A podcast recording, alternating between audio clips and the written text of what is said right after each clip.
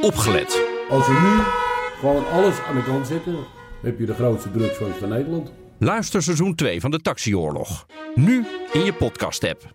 Het ziet ons een beetje zwart voor de ogen. Ja, hoe komt dat? Maar dat komt door de zwartgelakte documenten die we allemaal te zien kregen. Dit is een podcast van BNR Nieuwsradio. Hartelijk welkom bij de Technoloog. Nummer 59, Herbert. Dankjewel, Ben. Ja, vorige week zaten we fout trouwens, die is later aangepast. Dus we ik, zitten weer ik goed. dacht het al. Ik Ja, dacht het al. Ja. Ja, ja. Oké, aflevering 59. Nou, Herbert, welkom. Luister, we moeten het voor we hier ter zake komen, moeten we nog even over jouw podcast hebben. Ja, eh, ik maak een GDPR-podcast en eh, mede mogelijk gemaakt door Microsoft. En ik had het, eh, ja, we hebben heel veel onderwerpen natuurlijk over je data, wat je ermee doet. Maar ook een, een aflevering over marketing. En het is toch weer interessant als je dan diep met die jongens praat. Dat, dat weet je, eigenlijk verandert daar niet zoveel. En dan vraag je van, hé, hey, wat zijn er... Want ik dacht eerst echt dat Microsoft... eh, sorry. Je er er verandert niet zoveel door GDPR. Ja, want het had, weet je, heel veel re- regels zouden al eh, geïmplementeerd moeten zijn, Mhm. wat ze eigenlijk nog niet hadden. En dat denk ik, het was wel leuk, want toen ik begon met die podcastserie, dacht ik, nou, joh, door, door GDPR, ik had een beetje, een beetje ingelezen, een beetje veel, dacht ik, nou, Facebook en Google krijgen echt lastig, hè, want die verdienen natuurlijk met jouw data verdienen ze geld. Maar uiteindelijk, weet je, die gaan het zo omschrijven dat er helemaal niet zoveel verandert voor ze. maar zijn natuurlijk ook bijvoorbeeld een dataplatformen die eh, zeg maar data verrijken voor een partij. Dus iemand verzamelt data, is een partij die verzamelt data en dan gaan die twee databakken komen bij elkaar. Kijk, dat zijn elementen die lastig worden. Dus het is eh, uiteindelijk is mijn conclusie nu na zes afleveringen dat er op zich denk ik dat er toch weinig verandert, maar ja, wat ik ook wel leuk vind, er is geen, geen A of B. Het is nog steeds van, ja, er moet veel veranderen. De wetten zijn er, maar hoe het geïmplementeerd gaan worden... zijn we eigenlijk nu in die hele GDPR-podcastserie aan het onderzoeken.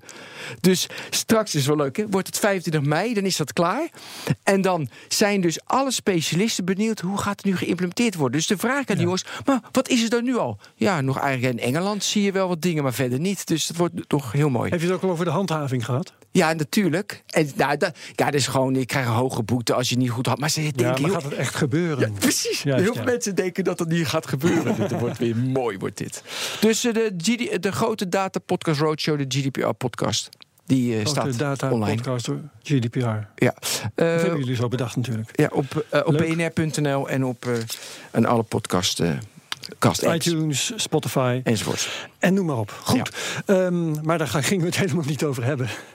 We gingen het hebben over ehm, eh, Rian van Rijbroek, want die is hier te gast. Hartelijk welkom. Ehm, een van Nederlands meest prominente hackers. Heeft een boek geschreven over de bedreigingen van tegenwoordig, over een mogelijke oplossing ook. De wereld van cybercrime en cybersecurity. Terwijl we pogingen in het werk stellen om de microfoon daar eh, een beetje stabiel op te hangen. Ja, dan zie ik je helemaal niet meer. Weet je wat, ik ga erbij staan. Dus zo'n microfoonhengel die dan opeens allerlei ogen afdekt. Zo. Ja. Oké, ehm, jij bent hacker. Hoe ben je dat geworden? Dat eh, ben ik eh, spelenderwijs eh, geworden. En gewoon door het uitproberen, kijken van wat er achter de techniek zit. Wat er, ja, we- hadden de eerste computer, de Commodore. Kom lekker nog wat dichter bij de microfoon als je wil. Want dat zijn apparaten waar je gewoon lekker dichtbij moet blijven. En je, je probeert gewoon dingen uit. En al vrij vlug eh, kwam ik ook met iemand in aanraking. En die zei dat hij op mijn computer alles mee kon lezen. En ik dacht, ja, dat wil ik ook wel leren. En van het een komt het ander. En toen heb je dat gewoon geleerd. En toen bleek je daar talent voor te hebben. Ja, Wist je dat je daar talent voor had op dat moment? Daar kom je achter. Kijk, ik Ja. heb daar nooit zo bij stilgestaan. Ik wist wel dat ik altijd op... Ik had de naam dat ik altijd wel op de systemen kon komen. Maar ik kwam pas de laatste jaren dat ik in Nederland opdrachten aannam. Toen kwam ik er pas achter van dat het wel erg gemakkelijk eh, in Nederland gaat om op systemen te komen. De, de- nou eh, zeg je dingen die vragen oproepen. Je zegt de laatste jaren dat ik in Nederland opdrachten aan. Wat voor opdrachten nam je aan? Van, ik heb eh, veel opdrachten gehad van veiligheidsdiensten, in Amerika ook. En de laatste jaren had ik dan een cybersecurity bedrijf, was ook een buitenlands bedrijf, maar die wilde ook in eh, Nederland. En toen heb ik eh, via hun heb ik ook diverse opdrachten gehad. En ja, ik kwam dus bij heel veel bedrijven. En daar kwam ik er dus achter van, ja, in Nederland, je ziet gewoon al de netwerken staan open. En dan vraag je eigenlijk al om problemen. Want als jij je netwerk openzet voor gasverbruik, zogenaamd, dan krijg je dus van die hackers die denken van, ik kan bijvoorbeeld een bedrijf via zijn eigen netwerk hacken. En hoe kan ik dat dan doen? Want het wordt dan heel eenvoudig. Kijk, eh, niemand is erop berekend om op locatie te hacken. Als je bijvoorbeeld in een wachtruimte of zo zit, dan kun je dus op dat moment op dat, wacht, op dat netwerk van die relatie, of uh, als je als patiënt ergens in een ziekenhuis zit te Ja. wachten, dan ga je dus dat netwerk. Gewoon eh, openbare netwerken die Ja. voor gasten bestemd zijn. Ja, en dan kun je al voor eh, 10 euro kun je al een app kopen om van het ene netwerk naar het andere netwerk te gaan. En dan zet Hoef je je daar niet meer veel vervolgens, voor te kunnen. Daar kun je gewoon toeltjes voor kopen. daar kun je gewoon toeltjes voor kopen. Ja. En vervolgens zet je daar een pakketsniffer tussen en je hebt al het vertrouwelijke data van bijvoorbeeld dat ziekenhuis. Wat uiteraard niet, niet de bedoeling is. Ja. GDPR, Ben? Ja, nee, inderdaad. Ja, dat, dat moet zo beschermd zijn dat het niet is. Eh, Dus je zei van, je probeerde wat uit. Waar begin je dan uit te proberen? Want nu zitten de mensen te luisteren. Die denken, ja, dat hacken, dat, is, dat, dat cybersecurity is een industrie die groot wordt. Waar ben jij begonnen? Het is, ik, had opdrachten als, ik had een opdracht aangenomen als internetoperator. Gewoon erbij. En Waarbij? eh, bij mijn, eh, ik had overdag ook werk. En ik had Oké, ja. Contacten natuurlijk. En eh, toen kon ik een opdracht krijgen als eh, internetoperator. En ik dacht, ja, waarom ook niet? Maar dat bleek eigenlijk dat, eh, ja, ze noemden het cybersecurity, maar het was hacken. En er werd ook niet over hacken gesproken, omdat je, je kunt heel veel ellen- ellen- ellende voorkomen. Er, zijn mensen die nu eh, al heel opgewonden raken. Want jij praat over hacken in de betekenis van dingen doen die niet mogen. Hè? Dat Eh, wordt er, eh, er zijn vaak... mensen die hacker als eretitel eh, aannemen. Namelijk gewoon heel goed zijn in het bereiken van bijzondere dingen met techniek. Daar ben ik het mee eens. Maar daar ben je het wel mee eens. Ja. Ja. Want, want zo, als ik jou zo hoorde praten, dan, was, dan klonk hacken als het stelen van data bijvoorbeeld. Of het, of het Hacken zien van data die niet de- gezien mogen worden. Als je de termen opzoekt op Google, dan wordt hacken omschreven als computercriminaliteit. Ja, dat, dat vindt niet iedereen. Maar het zal best kloppen dat Google dat eh, als, als betekenis geeft. Ja, dus hacken wordt eigenlijk in een heel negatief eh, daglicht gezet. In jouw geval dus net eh, gelukkig niet. Hmm. Maar zo wordt er wel over gedacht door heel veel mensen die niet weten wat het eigenlijk precies allemaal inhoudt. En dat heeft er ook mee te maken. Ja, dat je ziet gewoon, vroeger waren de hackfora's, daar leerde je van elkaar, daar leerde je alles van de computer met elkaar. Nu, als je op hackfora's kijkt, ja, dan zie je gewoon veel criminele bendes. En dan is het voor kinderen is het niet zoals vroeger. Dan is het eerder gevaarlijk, want je moet opletten dat je niet gebruikt wordt of jouw kind niet gebruikt wordt door criminelen. Ja. En vervolgens bij de grens komt en opgepakt wordt voor misdaden die dat kind niet gedaan heeft. Ja, ja, ja. Ja, maar ik wil dat verschil... ja, ja, nou, ik wil op jouw vraag terugkomen, want jij vroeg hoe Ja. begon het? Ja, gewoon En, eh, Commodore 64. Weet je, de eerste, wat deed je als eerste? Ja, je kijkt naar, ja, je hebt een computer en ik werkte al vrij jong. Ik denk dat ik een jaar of eh 17 was. Toen werkte ik al bij een bank. En dan kom je al met computers in aanra- aanraking. En ik was altijd benieuwd naar de techniek erachter, wat het meer kan. En dat heeft me ook altijd verder gebracht. En als je niets uitprobeert, kom je ook niet verder. En soms gaat het goed en soms gaat het niet goed. Ja. Maar jij zegt dus het is nu dus gevaarlijk, want als je nu op een hackerforum komt, dan ben je niet met elkaar aan het uitproberen hoe we een, een hele moeilijke puzzel oplossen met elkaar. En die puzzel is bijvoorbeeld eh, ethisch hacken of, dat is, of een, een, een, eh, een programma maken en dan hack je in dat programma. Nee, dat zitten nu criminelen. Leg dat eens uit. Het hoeft niet altijd criminelen te zijn, maar er worden hacking tools verkocht. En die hacking tools die kunnen veel meer als eh, wat de bedoeling is. Het is niet meer, vroeger was het, dan ging het ja, over data diefstal of meekijken. En dat is natuurlijk voor veiligheidsdiensten. Is het belangrijk om vooraf informatie te hebben. Om daar goed op in te kunnen spelen. Kijk, en nu zie je gewoon dat er gewoon cyberwapens te koop zijn aangeboden. Want die cyberwapens die zijn op straat komen liggen. En die staan te koop op hackersfora. En dat is wat eh, veel bedrijven niet in de gaten hebben. Kijk, mhm. sinds uh, wanneer is dat ongeveer geweest? We hebben te maken gehad in 2008. Toen, uh, is, uh, toen was het nog niet naar buiten gekomen. Het Stuxnet-verhaal is misschien wel bekend. Het programma Olympic Games. Ja, het virus gebouwd door de geheime diensten van Amerika en Israël. En een fantastische film. Ja. ja jij, jij hebt mij die film gestuurd. Zero en Days. Daar was ik blij mee. Goed zo. Dankjewel. Zero Days. Maar goed, Kijk. Uh, stuk goed, in uh, eh, 2010 is die code door Israël veranderd. En die is dus uh, losgelaten en overal komen liggen en ontdekt in Rusland. Vervolgens hebben we het verhaal gehad van meneer Snowden. En wat is er gebeurd? In de hackerswereld gaat er ronde. Of het waar is, weet ik niet. Maar dat hij ook onder de naam van de shadowbrokers alle hacking tools op straat heeft gebracht. Ja, en wat krijg je dan? Die hacking tools die worden verder ontwikkeld. Dat is dus in 2013 gebeurd. We zitten nu in 2018. En je ziet ook sinds eind 2017 zie je ransomware as a service. Dat houdt dus in dat je gewoon uh, klant kunt zijn. En je hoeft niet eens meer te kunnen hacken. Kijk, vroeger was het zo, je moest code schrijven. En dan je schreef die code en je volgde die code. En dan kon je de zaak monitoren. Nu is het zo, je hoeft zelfs geen code meer te kunnen schrijven. Je moet gewoon een grote portemonnee hebben, weten waar je moet zijn. En je koopt een tool, die laat je los. En die doet volledig geautomatiseerd zijn werk. Maar is dat niet precies hetzelfde als vroeger maakte je een websiteje en dan moest je HTML'en. En nu op WordPress is het een beetje uh, uh, plug and play? Ik bedoel, ja, dat, ja, daar heeft het veel van weg. Ja, het heeft toch wel iets meer, uh, het is toch wel een beetje anders, want die code, daar zitten geen fouten in. Dat is uh, code die ja, door die geheime diensten in die hacking tools. Kijk, pak nu de grootste bedreiging op dit moment is het uh, platform in Destroyer. We hebben allemaal te maken gehad met uh, botnet uh, aanvallen. En de laatste was Iotroop. En ja, dan noem ik niet die kleine van die student die daarop volgde. Maar Iotroop was dus uh, zeg maar vooral op camera's gericht. Maar als je, je ziet een trend in die DOS-aanvallen. Ze beginnen steeds hoger.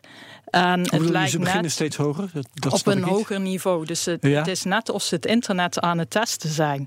Mm. En wat houdt dat in? Vroeg of laat kunnen ze dus, omdat je merkt dat ze aan het testen zijn, ze beginnen steeds hoger, dus de aanvallen worden steeds groter. En nu is het camera's, en dat is op zich niet zo spannend, want als je camera in één niet meer doet, nou ja, dan, uh, dan is dat zo. Maar stel je nu eens voor, en dat is, uh, daar is een test geweest in Saudi-Arabië, dat het geen camera's zijn, nee, dat ze het doen op industriële apparatuur, dus op SCADA-systemen, op programmable logic controllers. Een machine, om even uit te leggen wat het is. Een machine is eigenlijk alleen maar ijzer. En om die machine wat te laten doen, heb je software nodig. En dat gebeurt via die PLC. Nou, wat is er dus gebeurd? Ze hebben een aanval op een fabriek gedaan met het platform in de strooier. En daarmee heel die fabriek platgelegd. Dus ze hebben op al die industriële apparatuur... Mhm. hebben ze die, uh, dat platform losgelaten. En die fabriek heeft gewoon een week plat gelegen. En stel dat je dat niet op één fabriek toepast, maar met een botnet op alle fabrieken in Nederland, ik noem maar een voorbeeld, ja. dan heb je natuurlijk een gigantisch probleem. Ik werd van jou, jouw boek, ik werd er ook depressief van, van de eerste zeven hoofdstukken. Ja, echt, het was heel laat geworden vannacht en vanmorgen nog. Ik werd er zwaar depressief van. En het is natuurlijk ook je vak, dus dat snap ik dat, dat ik daar depressief van hoe het moet worden. Maar jij zegt nu, en dat vond ik wel een mooie, weet je, vanaf de NSA, vanaf Snowden komen, die, hebben we nu hacking tools. Maar ik had heel erg van, als die hacking tools, die moet je voor heel veel geld kopen, die zijn nu bekend dan kunnen ze toch wel een anti-attack tegen die. Je weet nu welke hacking tools het zijn. Er kunnen toch de cybersecurity mensen anti-hacking tools, tools maken. Ja, dat zou je denken. Maar ik, had, uh, ik las uh, toevallig het NRC uh, eh, een tijd terug. En dat hebben we opgenomen in het boek op bladzijde 60. Ga gelijk naar bladzijde 60. Bladzijde 60. En daar staat, uh, stond letterlijk, ik heb toevallig het boek ook bij, dus ik kan het zelfs letterlijk voorlezen, wat letterlijk in de krant stond in het NRC. Op bladzijde 60? Beveiligingsbedrijven zien het niet meer zitten, is het kopje van 2.8. Ja. Meneer Ronald Prins, directeur, medeoprichter Fox IT in het NRC van 21 april 2017. Geheime diensten zijn nooit bevriend, zeker niet bij Brexit. Ronald Prins twijfelt er niet aan dat de Britten bij de Brexit-onderhandelingen het zal lukken digitaal te spioneren. Ja. Hij zet het zelfs in de krant. Kijk, dan heb je een cybersecurity bedrijf. Hij is dan zo eerlijk om het te vertellen dat hij de hackers niet tegen kan houden. Maar je hebt een dienstverlening, je vraagt daar heel veel geld voor. En vervolgens kun je de hackers niet tegenhouden. Nee, maar dat, is natuurlijk... dat is spannend. Ja, maar dat is ook algemeen bekend. Dus als ze iets willen, dan lukt het. Het is alleen, hoe moeilijk is het? Weet je, hoeveel, hoeveel kost het om uiteindelijk... Kijk, Ben van den Burg is niet interessant, dus je hoeft niet te hacken. Nou, uh... Maar uh, Barack Obama nog steeds is die, wel, is die wel interessant. Dus daar doe je veel, veel meer moeite voor. Dat mag dan wat euro's kosten. En als de belangen heel groot zijn om in Saoedi-Arabië een, een, eh, een, hele plant, een hele hoe heet het? fabriek. fabriek neer te halen, dan gaat daar voldoende geld. En dan kunnen ze inderdaad alles hacken. Alles wat ze maar willen. wat ik mij afvraag, want, want jij, jij zegt ook ze, ze, wie zijn ze? Je ziet. Uh, wie bedreigen ons? Wie bedreigen ons is een goede vraag. We, we hebben een hoofdstuk toegevoegd, een tweede druk. Want uh, de eerste druk die was al uitverkocht. Ik kreeg van Willem Vermeent een mailtje dat er al 25.000 boeken verkocht zijn. In drie weken hoor? Ja, in drie weken. Ja, ja, ja. Dus het uh, loopt wel heel erg goed. En we hadden eigenlijk alleen voor de Engelse versie de zeven super cybermachten. Dat zijn dus uh, Israël, even denken, Iran, de Verenigde Staten is natuurlijk de grootste, Rusland. UK. Uh, UK. Israël was die genoemd? Ik uh, ben het alweer kwijt. Iran.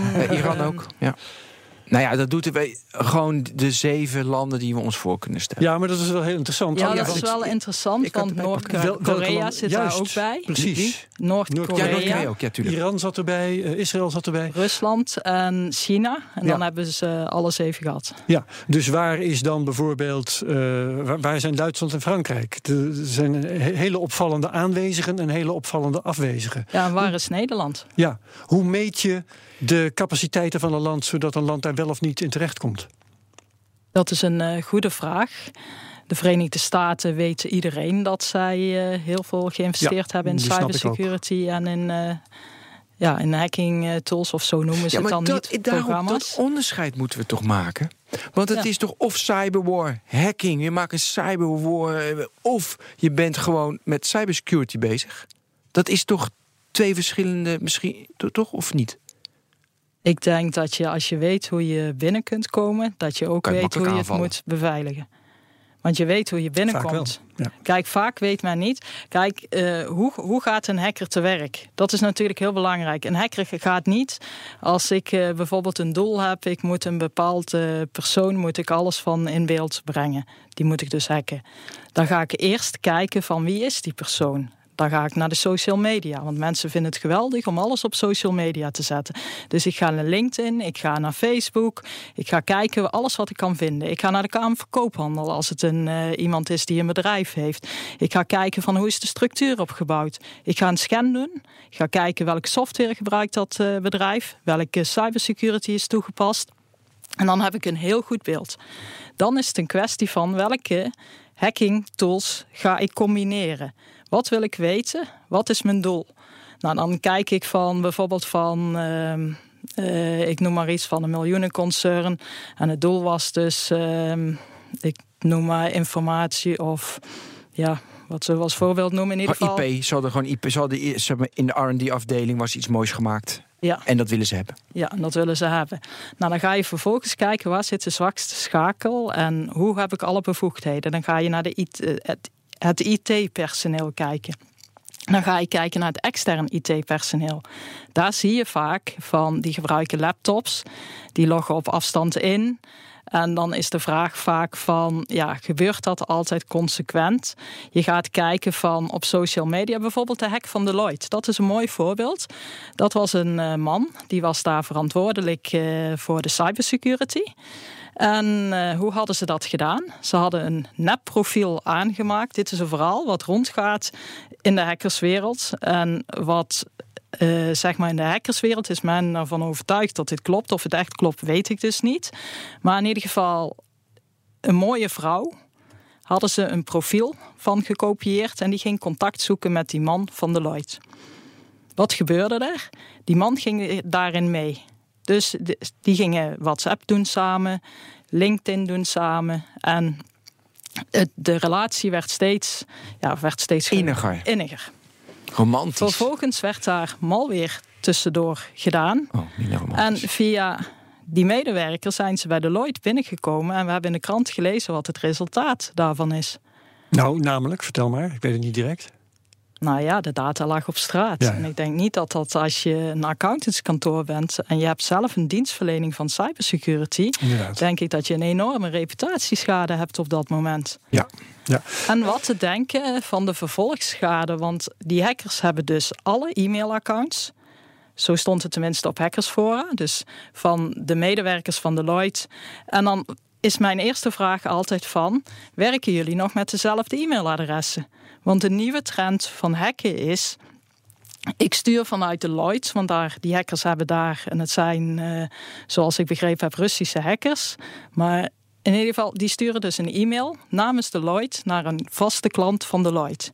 Ze hebben de hele mailbox, dus ze weten precies ja, wat normaal gemaild wordt. En ze doen hem er tussendoor. Het eh, e-mailadres is niet gewijzigd. Dan krijg jij als klant, zonder dat je het in de gaten hebt, want je opent de bijlagen, want je verwacht niet dat Deloitte in de bijlagen malware verpakt, dan krijg jij dus malware binnen. Een geautomatiseerde hacking tool die zich onzichtbaar installeert. Vervolgens wordt ook alles van jouw bedrijf gemonitord of wie weet wat er gaat gebeuren. En dat is vaak van, daar wordt niet goed over nagedacht. Maar je zegt dus eigenlijk dat, dat Deloitte na zo'n aanval, waarbij uh, hun mailadressen op straat zijn komen te liggen, dat, uh, ik weet niet zeker of ik het goed begrijp, hadden zij hun eigen mailadressen moeten veranderen? Dat, dat kan toch maar moeilijk? Dan is wijsheid om, als je weet dat je gehackt bent, om al je e-mailadressen te veranderen, hoe vervelend dat ook is. Je kunt het risico niet wow, lopen. Okay. Ja. Want het is niet zo, kijk voor klanten is het heel vervelend als namens Deloitte een, hack, ja, een, uh, een mail wordt verstuurd. En ja, je verwacht daar geen malware in. Kijk, die phishing, zoals die nu is, met de CEO-fraude bijvoorbeeld. Nu denk je van, uh, ja, um, hoe zal ik het zeggen, van het valt op. Want die mails zien er niet goed uit. Maar dan zelfs nog stond in het Financieel Dagblad een voorbeeld dat iemand erin trapt. En ja, dat even kun je... zo uitleggen wat erin stond was dat, eh, dat uh, de CEO en ook de CFO die waren er niet en een medewerker van Control die kreeg een e-mail van werk, ja. maak dat geld over naar Hongkong en uh, hij had het druk en uiteindelijk had hij dat geld overgemaakt en die mails achteraf bleken die inderdaad helemaal niet te kloppen en dat is natuurlijk heel treurig. Het bedrijf viel bijna om. En, ja. En, ja, en hij moest huilen. Ja, en dan kan een hacker heel goed werk doen. Want een hacker had dat geld terug kunnen halen als ze er snel bij waren. Een white hat hacker, een ethische hacker bedoel ja. je? Ja. ja. Ja, Hey, we komen nu, het vind ik wel mooi dat je me even vertelt, weet je, gewoon in een WhatsApp, weet je, en er zit een foto en dat is malware en dan komen ze binnen bij Deloitte. Dat vind ik mooi. Maar we kwamen van, ja, ik ga weer terug naar die fabriek die gehackt wordt met een hacking tool, hè. Daar kwamen we vandaan. Ja.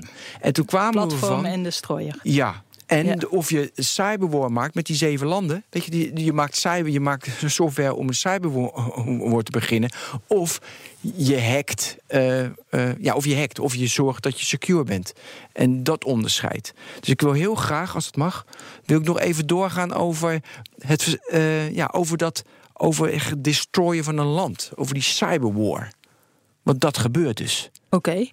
Uh, dan ga ik even weer terug naar het Stuxnet-verhaal. Ja, dat, ja, en de Want dat is wel ja. belangrijk, want dat was het begin van het ontstaan van cyberwapens. Er is een nieuw wapen gebruikt en dat wapen kan niet teruggenomen worden. Ja. Wat is er gebeurd? met atoomwapens hè, ja. in zijn invloed. Ja. ja. Maar ik denk belangrijk om te vertellen dat de NSA, dus de, Amer de Amerikanen, die bouwen gewoon zo'n wapen. Ja? Ja, cyberwapen. Die hebben om redenen, hebben die onder het mom van cybersecurity, want zij noemen het cybersecurity, hebben ze, en daarvan wordt nog steeds door de NSA ontkend dat ze het ontwikkeld hebben. Maar zij hebben, dus volgens de verhalen in de media, hebben ze dat cyberwapen ontwikkeld. Ja. Zeker. En dat is toen naar buiten gekomen om, om, omdat de Israëliërs... De Die, code veranderd. ja, de code hadden. veranderen, die werden ongeduldig. En toen is die aanval geweest. En toen In was dat auto 2010 niet is het naar buiten gekomen en dat was voor die centrifuges van eh, Iran die ontploften. In 2008 wist men niet wat er aan de hand was en er werden mensen ontslagen. In 2010 kwam het dus naar buiten toe en Iran, ja, Iran had eh, iets van, ja, de- Amerika had zoiets van, wat gaat Iran nu doen? Iran ging dus een cy- cyberleger opzetten. En je merkt ook vergelden. aan eh, Iran dat eh, Iran heeft hele goede hackersgroepen, maar die worden bijna allemaal, zoals eh, tenminste in de media geschreven staat, worden ze gesponsord door de Iraanse staat. Mhm. En dan begrijp je natuurlijk ook wel, dan zijn er middelen om goede hacking tools te bouwen. Wat je ziet, kijk, in Nederland, als je een bedrijf laat testen, dan krijg je een groep ethical hackers, alle respect. Want die jongens doen het ook heel goed. Die schrijven allemaal één voor één code. Maar beter zou zijn dat je die groep jongens bij elkaar zet en je gaat een hacking tool, of een ander woord zoals ze het in eh, Amerika noemen, een programma bouwen. Om dan eens te kijken of je met zo'n geautomatiseerde hacking tool dat bedrijf kunt hacken. Want die ethical hackers, die komen misschien wel of niet binnen, maar een machine die hackt heel anders als een mens.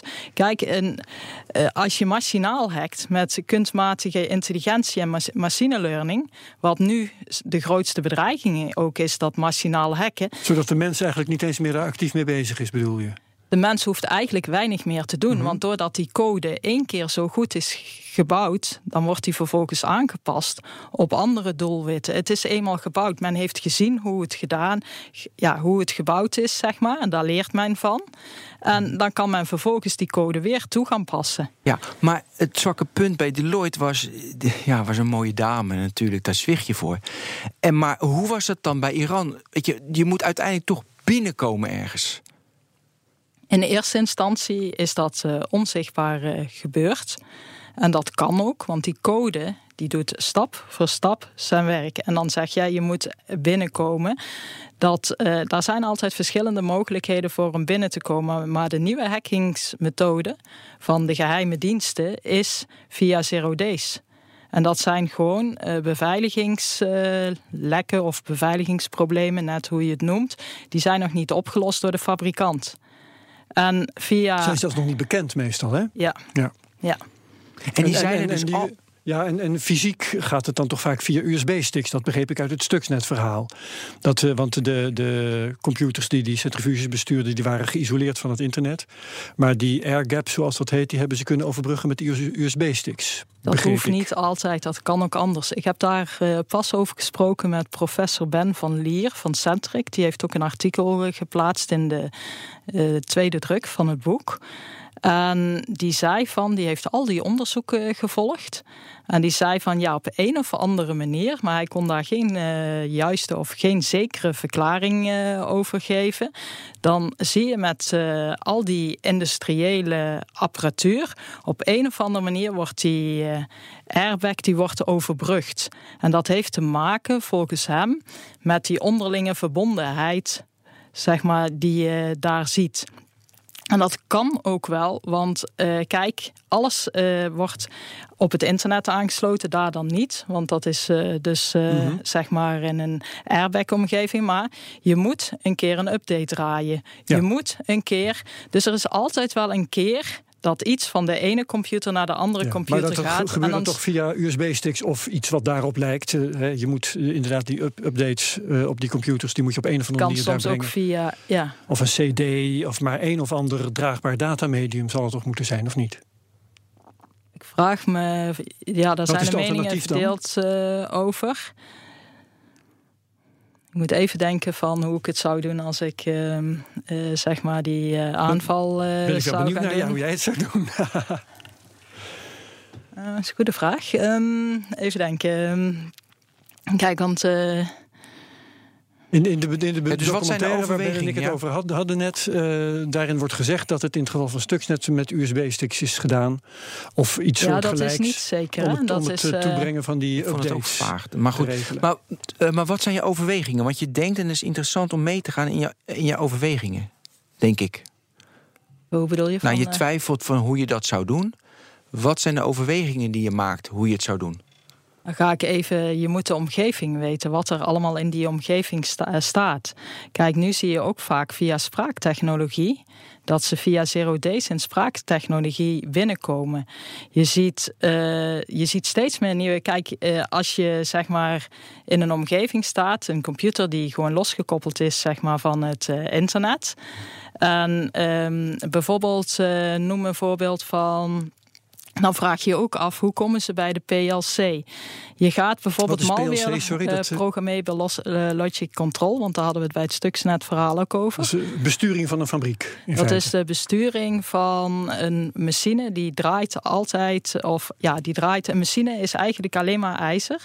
Dan heb je iets nodig om die machine te laten doen, dus wat die moet doen.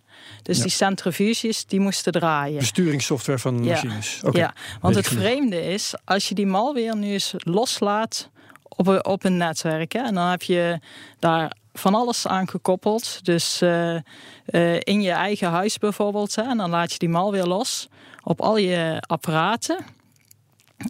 Wat gebeurt er dan? Dan krijg je kortsluiting. En op een of andere manier wordt die PLC ook beïnvloed. Terwijl die, die staat niet aan het internet gekoppeld, want dat was tien jaar geleden nog niet. We hebben toen die test gedaan en wij begrepen niet waarom die PLC dus wel beïnvloed was. En dat is, Bij dat stuksnet hebben we het over, hè? met die, dat is met die code gebeurd Ja. om te testen, want die lag op straat in 2010. En dan heb je ineens kortsluiting. En dan verwacht je eh, de stoppen, ja, je zet het terug, dan verwacht je dat het licht het weer doet. Maar het licht deed het niet. En dat had toch te maken met die PLC die in die stoppenkast zit. En dan mag je een verklaring geven, want ik heb geen USB-stick gebruikt. En dat is dus van, dat heb ik met professor Ben van Lier toevallig doorgesproken omdat eh, hij heeft al die onderzoeken gedaan. En ik zei, kun jij mij dan een verklaring geven hoe dat kan? En daar heb ik eh, tot op heden ook nog geen antwoord eh, Dus het is op niet gehad. altijd duidelijk hoe het gedaan wordt. Daar lopen heel Het veel. bereiken van ehm, computers die van internet zijn afgesloten. er zijn heel veel professors die daar onderzoek naar doen. En daar is tot op heden nog geen duidelijk Maar antwoord dat het op. lukt staat wel vast. Dat het lukt staat vast. Ja. ja. Ik heb een vraag over, over Stuxnet. Want eh, eh, Amerika en Israël hebben Stuxnet ontwikkeld. En eh, door een fout ge- gemaakt in Israël is dat ding over de wereld verspreid. Wist iedereen dat Amerika en Israël daarachter zaten? Dat is ongeveer in de korte geschiedenis van het verhaal. Iran is toen een eh, soort cyberleger gaan mobiliseren. Is eigenlijk Stuxnet de oorzaak geweest dat, zoals jij net vertelde, Iran nu in de top 7 staat van de beste ehm eh, cyberhacker-landen? Het is eh, de oorzaak geweest van dat meer landen dachten van... hé, hey, wij moeten ook cyberwapens gaan ontwikkelen. het, he- het heeft een soort wapenwetloop in gang gezet, hè? Ja, ja. Ja. En dat, eh, kijk, het is hetzelfde. Zet twee kinderen bij elkaar. Als één kind blijft slaan, ja, dan, dan blijft hij slaan als er niet teruggeslagen wordt. Maar als je terugslaat, ik denk dat het vlug stopt. Ja, Mhm. ja, de geest is uit de fles. En dus, dus die hacking tools kwamen. Die hacking tool kwam zeg maar, eh, in het openbaar. Toen hadden we Snowden, toen kwamen we nog meer openbaar. Maar Snowden is ook 2013. Dus dat is inmiddels bijna vijf jaar eh, eh, zeg maar verder. Komen die hele geavanceerde hacking tools. Die komen dus van overheden tot nu toe. Worden die opnieuw nu gemaakt? Zijn die inmiddels niet oud, die hacking tools? Want dat is vijf jaar geleden. Hoe, hoe ziet het speelveld er nu uit? De werkwijze van de geheime diensten in Amerika is wel veranderd natuurlijk. Want eh, phishing doen ze niet meer, omdat dat allemaal naar buiten is gebracht. Dus ze hebben nu nieuwe methoden. Die hebben we ook in het boek beschreven, die nieuwe methoden. En dat is vooral, zeg maar, eh, pak nu bijvoorbeeld dat lek van die eh, chips, om een voorbeeld te noemen. Dat, daar hebben we nu twee mooie namen voor bedacht. Ja, ehm, En Spectre en. Oh, oh, maar ja, Spectre. snel googlen. Praat er eh, tussen me door. M. Ja, iets met Iets meldang met een M, of zo. Dan heb je dus eh, over eh, twee beveiligingslekken in chips die gevonden zijn. Maar er zijn er natuurlijk meer.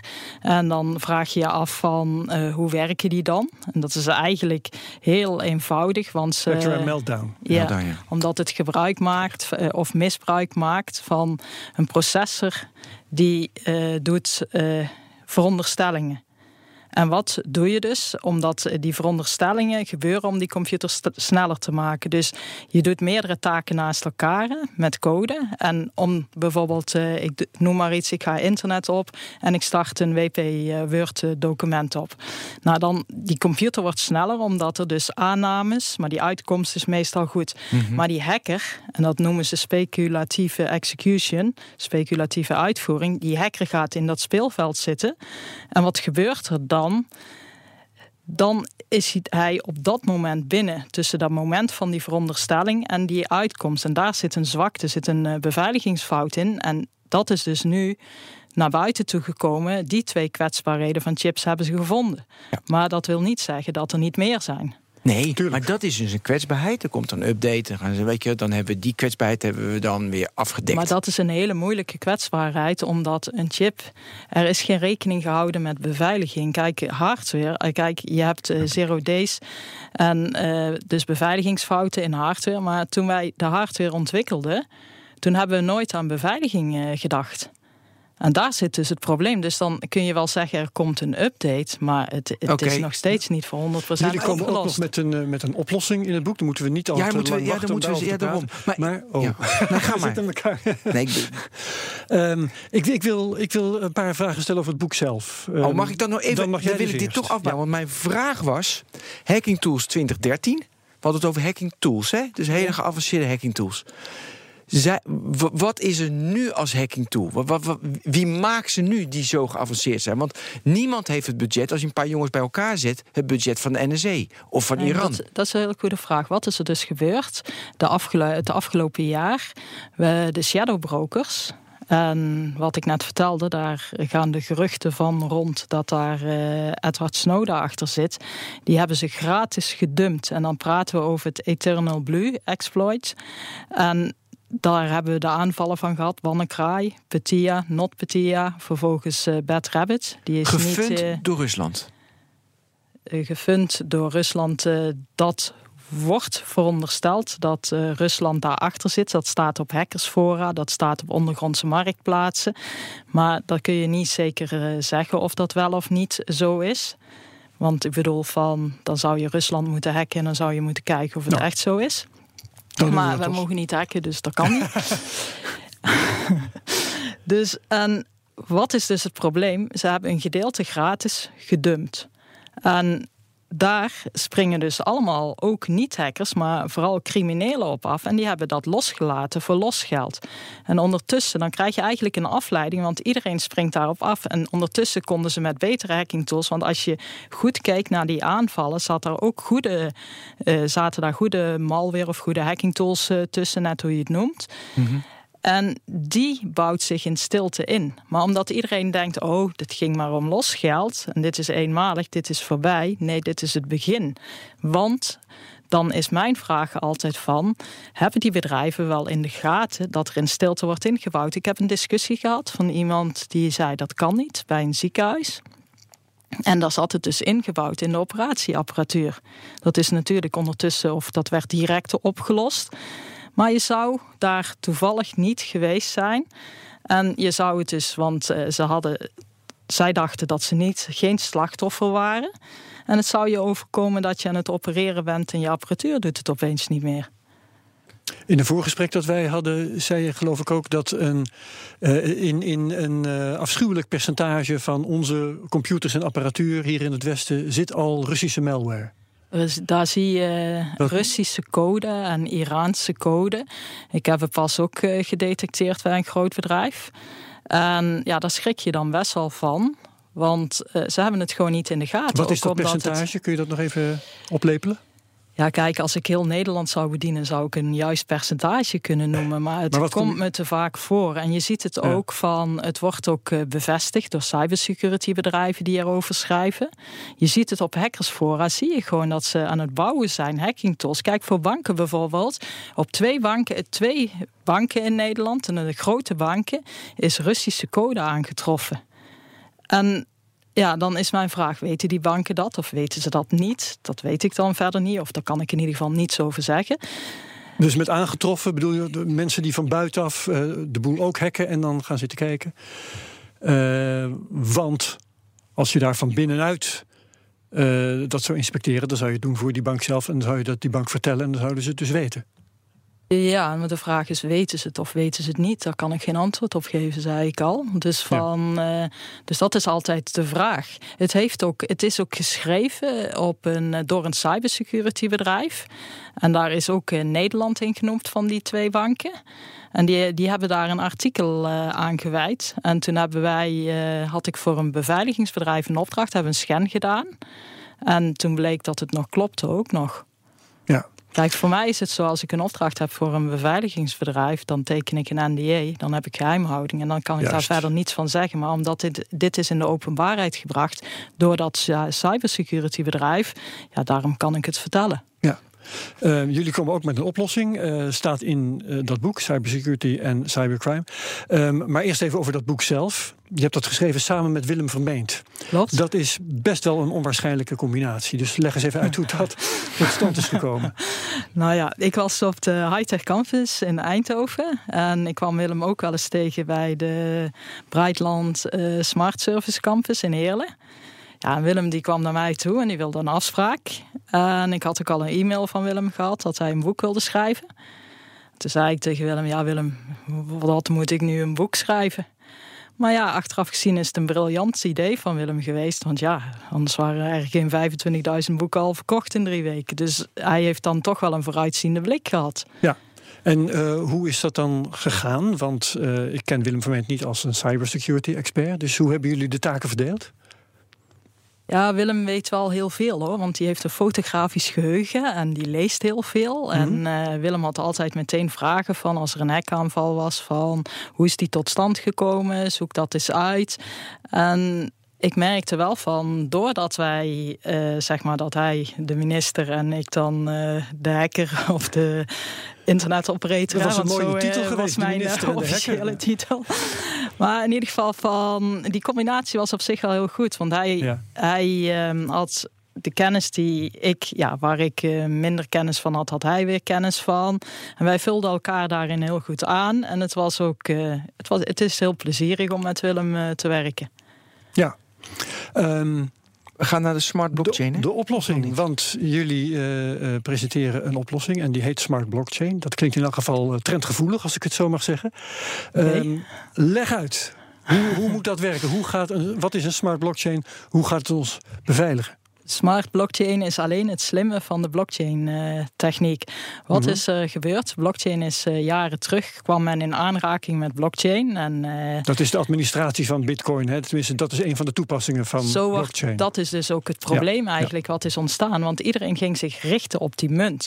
Maar toen die techniek op de markt kwam, was eigenlijk nooit de bedoeling om een munt op de markt te brengen. Mm-hmm. Maar die Bitcoin kwam op de markt en die Bitcoin, dat werd een hype. Want iedereen moest die Bitcoin hebben. En we hebben gezien die koersstijging. En eigenlijk is het heel onrealistisch, want het is niets anders dan een stukje code. En het mooie van de techniek van de blockchain wordt, doordat iedereen zich daarop richt, eigenlijk uh, niet juist toegepast. In ieder geval, kijk, als je een platform hebt, zoals de Bitcoin-blockchain, wat niet schaalbaar is, wat als een los hokje naast jouw systemen staat, ja, dat gaat nooit werken. Want ik ga niet als bedrijf zeggen, ik ga al mijn systemen in de prullenbak gooien en ik ga opnieuw beginnen met blockchain. Mm-hmm. Dus wat is die smart blockchain? Die integreert jouw bestaande systemen met de smart blockchain. En wat doet hij dan? Alles wordt geverifieerd op het Smart Blockchain platform. En eigenlijk staat er heel duidelijk uitgelegd in het vier-stappenplan van Apple.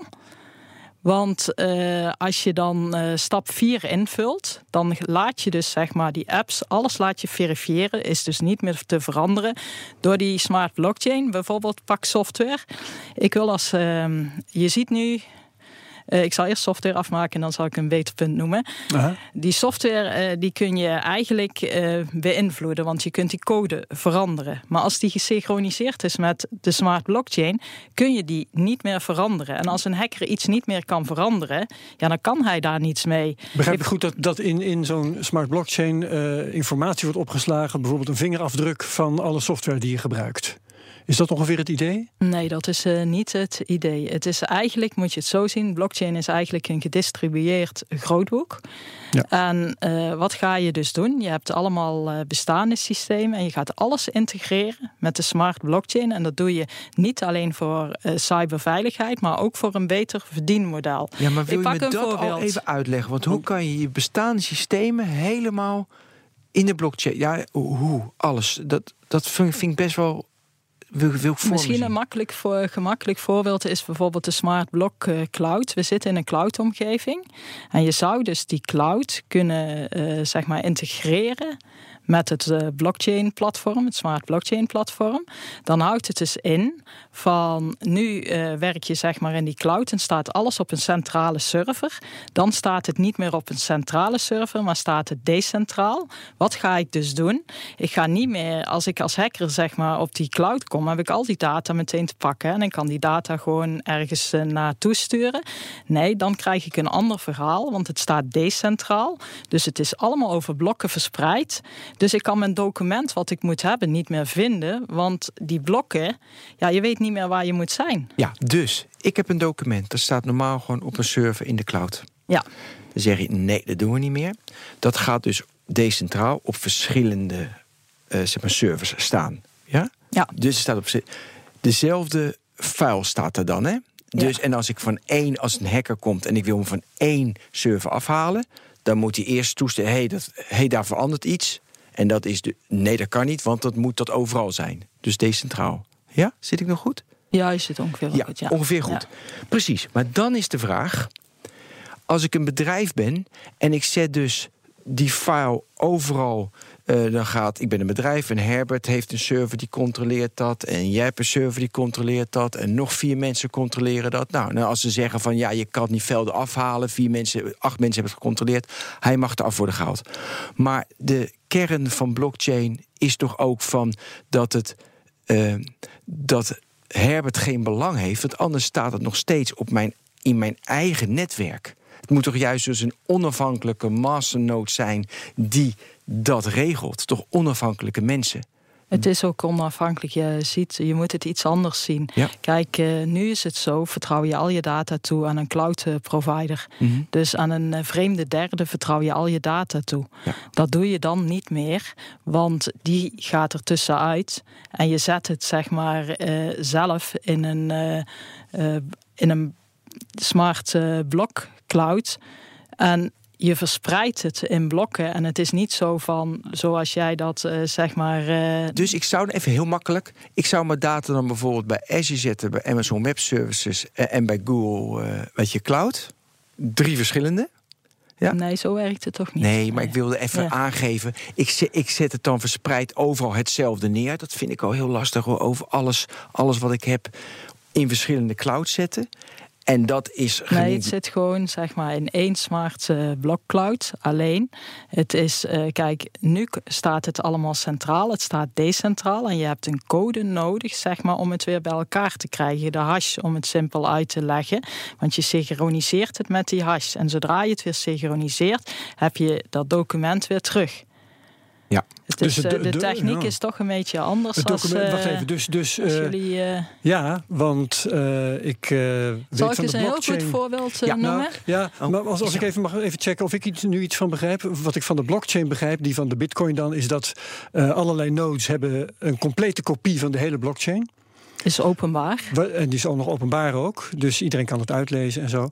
Uh, als ik jou goed begrijp, ga je uh, op allerlei nodes ga je fragmenten van die bestanden zetten. Zodat je, uh, om het weer bij elkaar te krijgen. Dat nee, je nee, je gaat wel onderscheid maken in kanalen. Dus je gaat het wel verdelen over kanalen. Ik heb één platform. Nou, dan ga ik dat platform. Ik ben bijvoorbeeld een accountskantoor. Dan kan ik dat platform dusdanig inrichten dat ik elke klant op een apart kanaal zet. En die klant ik communiceer alles in dat kanaal met die klant. Dus ik hoef geen e-mail meer te versturen. Alles staat in dat kanaal. En die klant die kan daarbij en ik kan daarbij. En je kunt op die manier zeg maar die hele administratie van die klant daarin zetten. En daar kan niemand anders bij als het accountskantoor en de klant. En degene die ze toelaten op dat kanaal. En zo kun je dat dus voor elke klant doortrekken.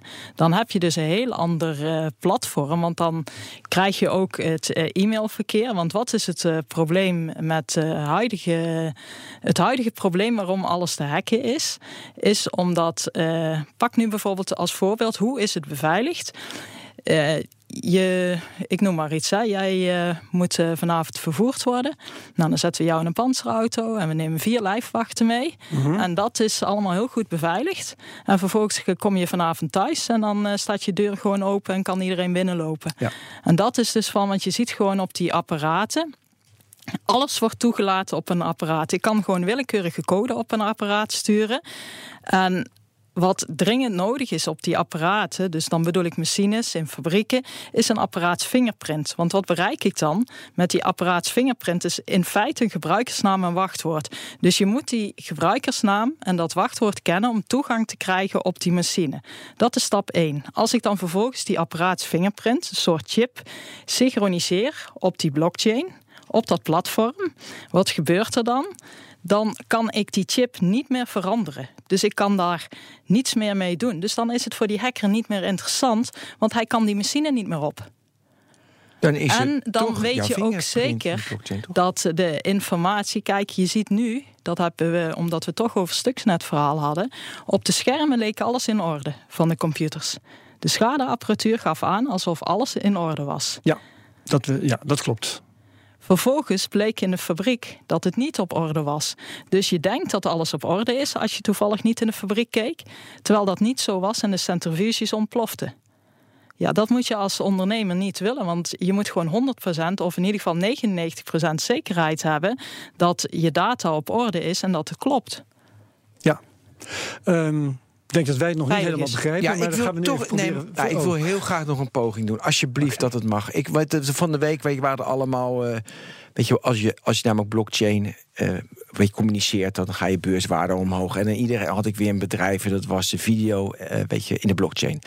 En ik voel me het af, hoe gaat dat dan? Dus normaal gesproken, hetzelfde met die file op een.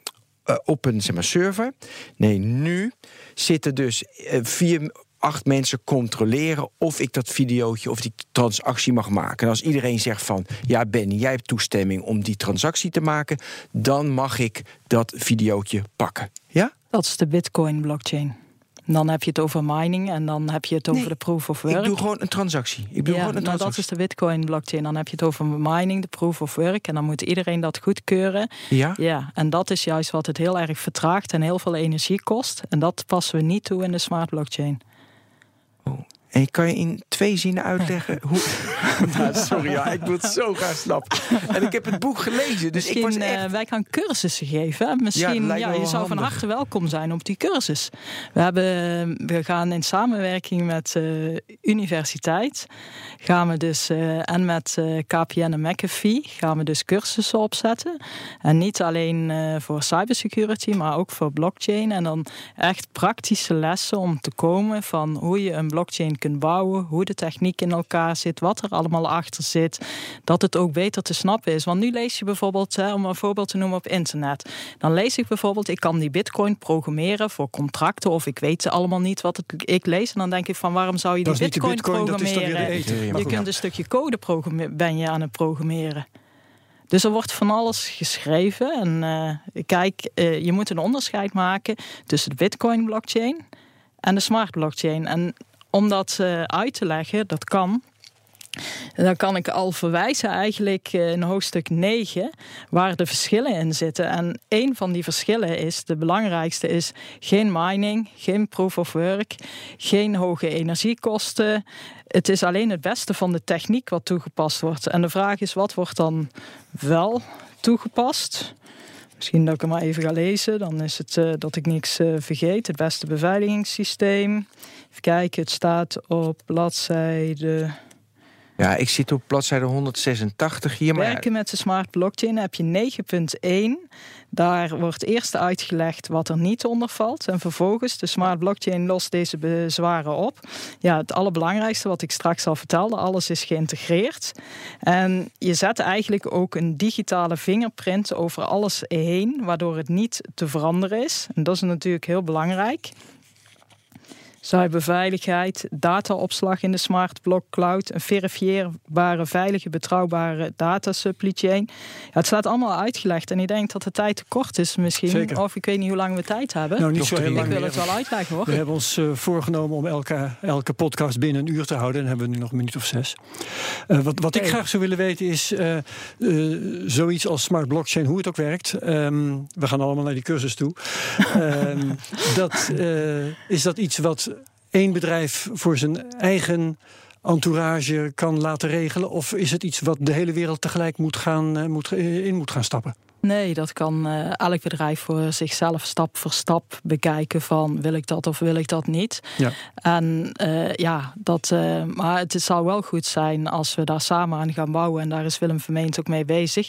Die wil op de Brightland Smart Service Campus alle blockchain bouwers proberen bij elkaar te krijgen. Om vanuit één platform te gaan bouwen. En dan ja, om toch te proberen Nederland cyberveilig te gaan maken. Ja, ehm, kun je, want, want dat eh, is mij nog niet helemaal duidelijk met, eh, met zo'n smart blockchain. Waartegen beveilig je dan precies? Ik had de indruk dat het vooral beveiligde tegen eh, verandering van, van data. Nee, het is gewoon niet meer te hacken. Je komt er als hacker gewoon niet meer op. En eh, het zou, kijk, nu worden, lees je wel eens dat eh, bouwde de uitspraak. crypto-munten wallets die worden gehackt. En je Ja. leest wel eens, maar dat komt omdat de platformen zelf niet beveiligd zijn. Daar ik- zit het probleem. En daarom, daarom lees je van eh, die hacks, eh, zeg maar. Want we hadden pas ook weer eentje gehad van eh, dat alle crypto-munten, wallets eh, leeggehaald gaan worden. Daar zie je trouwens ook al heel veel voorbereiding op hackersfora. Van dat eh, ze wachtwoorden aan het verzamelen zijn Mhm. om die crypto munten wallets in één keer leeg te gaan halen. Dus dit is even, nu ik toch op de radio ben, een waarschuwing van als je toevallig cryptomunten hebt, ja, let daarop, want het is heel eenvoudig, want ze installeren een keylogger en je, ze hebben je wachtwoord en ze kunnen je portemonnee leeghalen en je weet niet waar je moet, ja, je kunt je geld nergens meer halen, je bent er gewoon vanaf. Dat klopt. Ehm, maar het, is dus, het beveiligt dus eh, tegen, eh, niet alleen tegen verandering van je data, maar ook bijvoorbeeld tegen het kopiëren van je data. Ook, ja. Eh, toegang. Want een, van de, een van de dingen die, die beveiligd moet worden is toegang tot je systemen. Nou ja, de wachtwoorden, combinatie andere dingen, twee factoren. We hebben allerlei eh, mechanismen om te beveiligen. Als je smart blockchain gebruikt, is dat allemaal niet meer nodig. Hoe moet ik dat zien? Dan kun je bijvoorbeeld zeggen van ik eh, pas een duim en gezichtsherkenning toe. Dat eh, moet gesynchroniseerd worden met de blockchain. Dat houdt in, die blockchain kijkt van of dat jij dat echt bent. En als jij echt bent, krijg jij toegang. En dan heb je ook, ben je ook als onderneming van het probleem af dat die wachtwoorden en die gebruikersnamen uitgeleend gaan worden. Waardoor je gewoon Ja. geen zicht meer hebt wie allemaal op jouw systemen zit. Ja, maar wat ik lees over elke keer als er eh, dingen worden beveiligd met vingerafdrukken en met, eh, met gezichtsherkenning en dergelijke, dat dat ook omzeild kan worden. Klopt. Met foto's of met afgesneden vingers of met gekopieerde vingerafdrukken of kan mij wat schelen wat. Maar omdat het niet gesynchroniseerd is met de smart blockchain, klopt dat ja. Maar als je het synchroniseert met de smart blockchain, lukt dat niet meer. Want je kunt gewoon instellen van eh, dit is een afgehakte vinger en dan komt er een melding. En dan zie je dat er iets gebeurt op je systeem dat niet klopt. Dus je krijgt vooraf eh, via kunstmatige intelligentie een waarschuwing. Waarom, eh, want, want aangezien we die smart blockchain nog niet helemaal snappen, kun je onder woorden brengen waarom een, een, ehm, een dode vinger, een afgehakte vinger, op die manier wel geïdentificeerd, herkend kan worden en op een andere manier niet? Eh, op een, eh, kijk je, van vooraf eh, leg je dus die unieke duim eh, vast.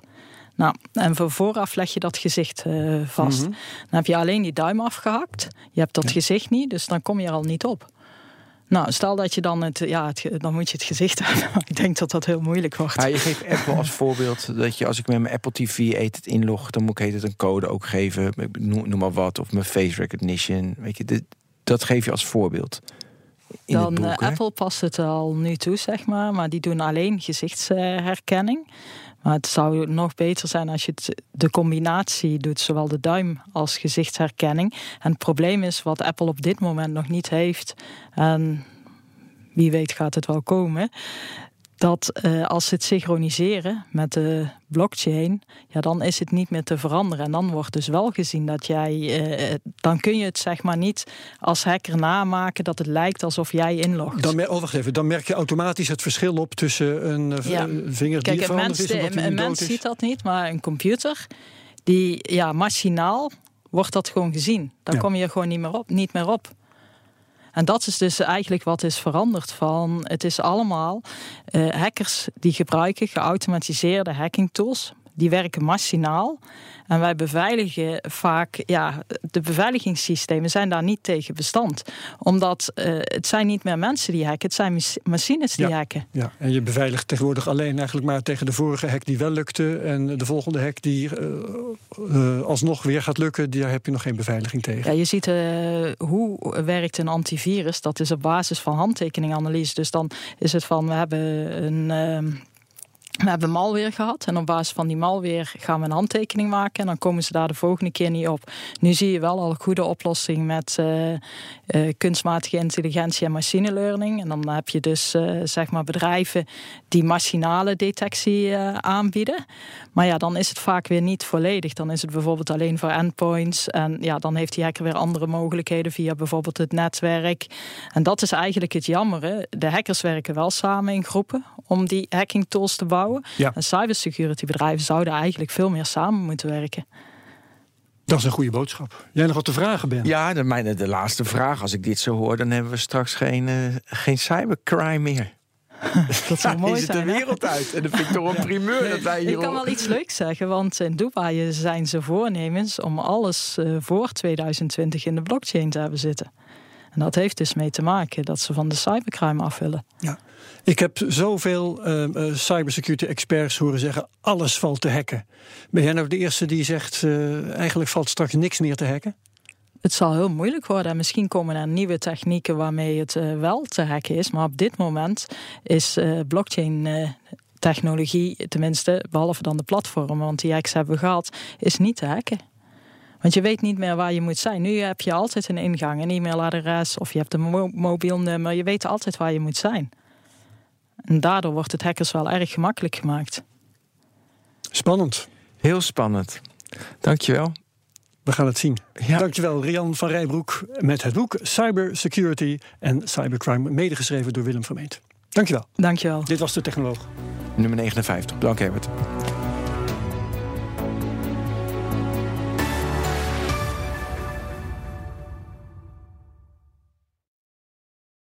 Ook Diana Matroos vind je in de BNR-app. Ja, inderdaad. Je kunt live naar mij luisteren tijdens de Big Five. Ook handig in de BNR-app. Breaking nieuwsmeldingen, maar ook het allerlaatste zakelijke nieuws. En je vindt in de app alle BNR-podcasts, waaronder Wetenschap Vandaag. Download nu de gratis BNR-app en blijf scherp.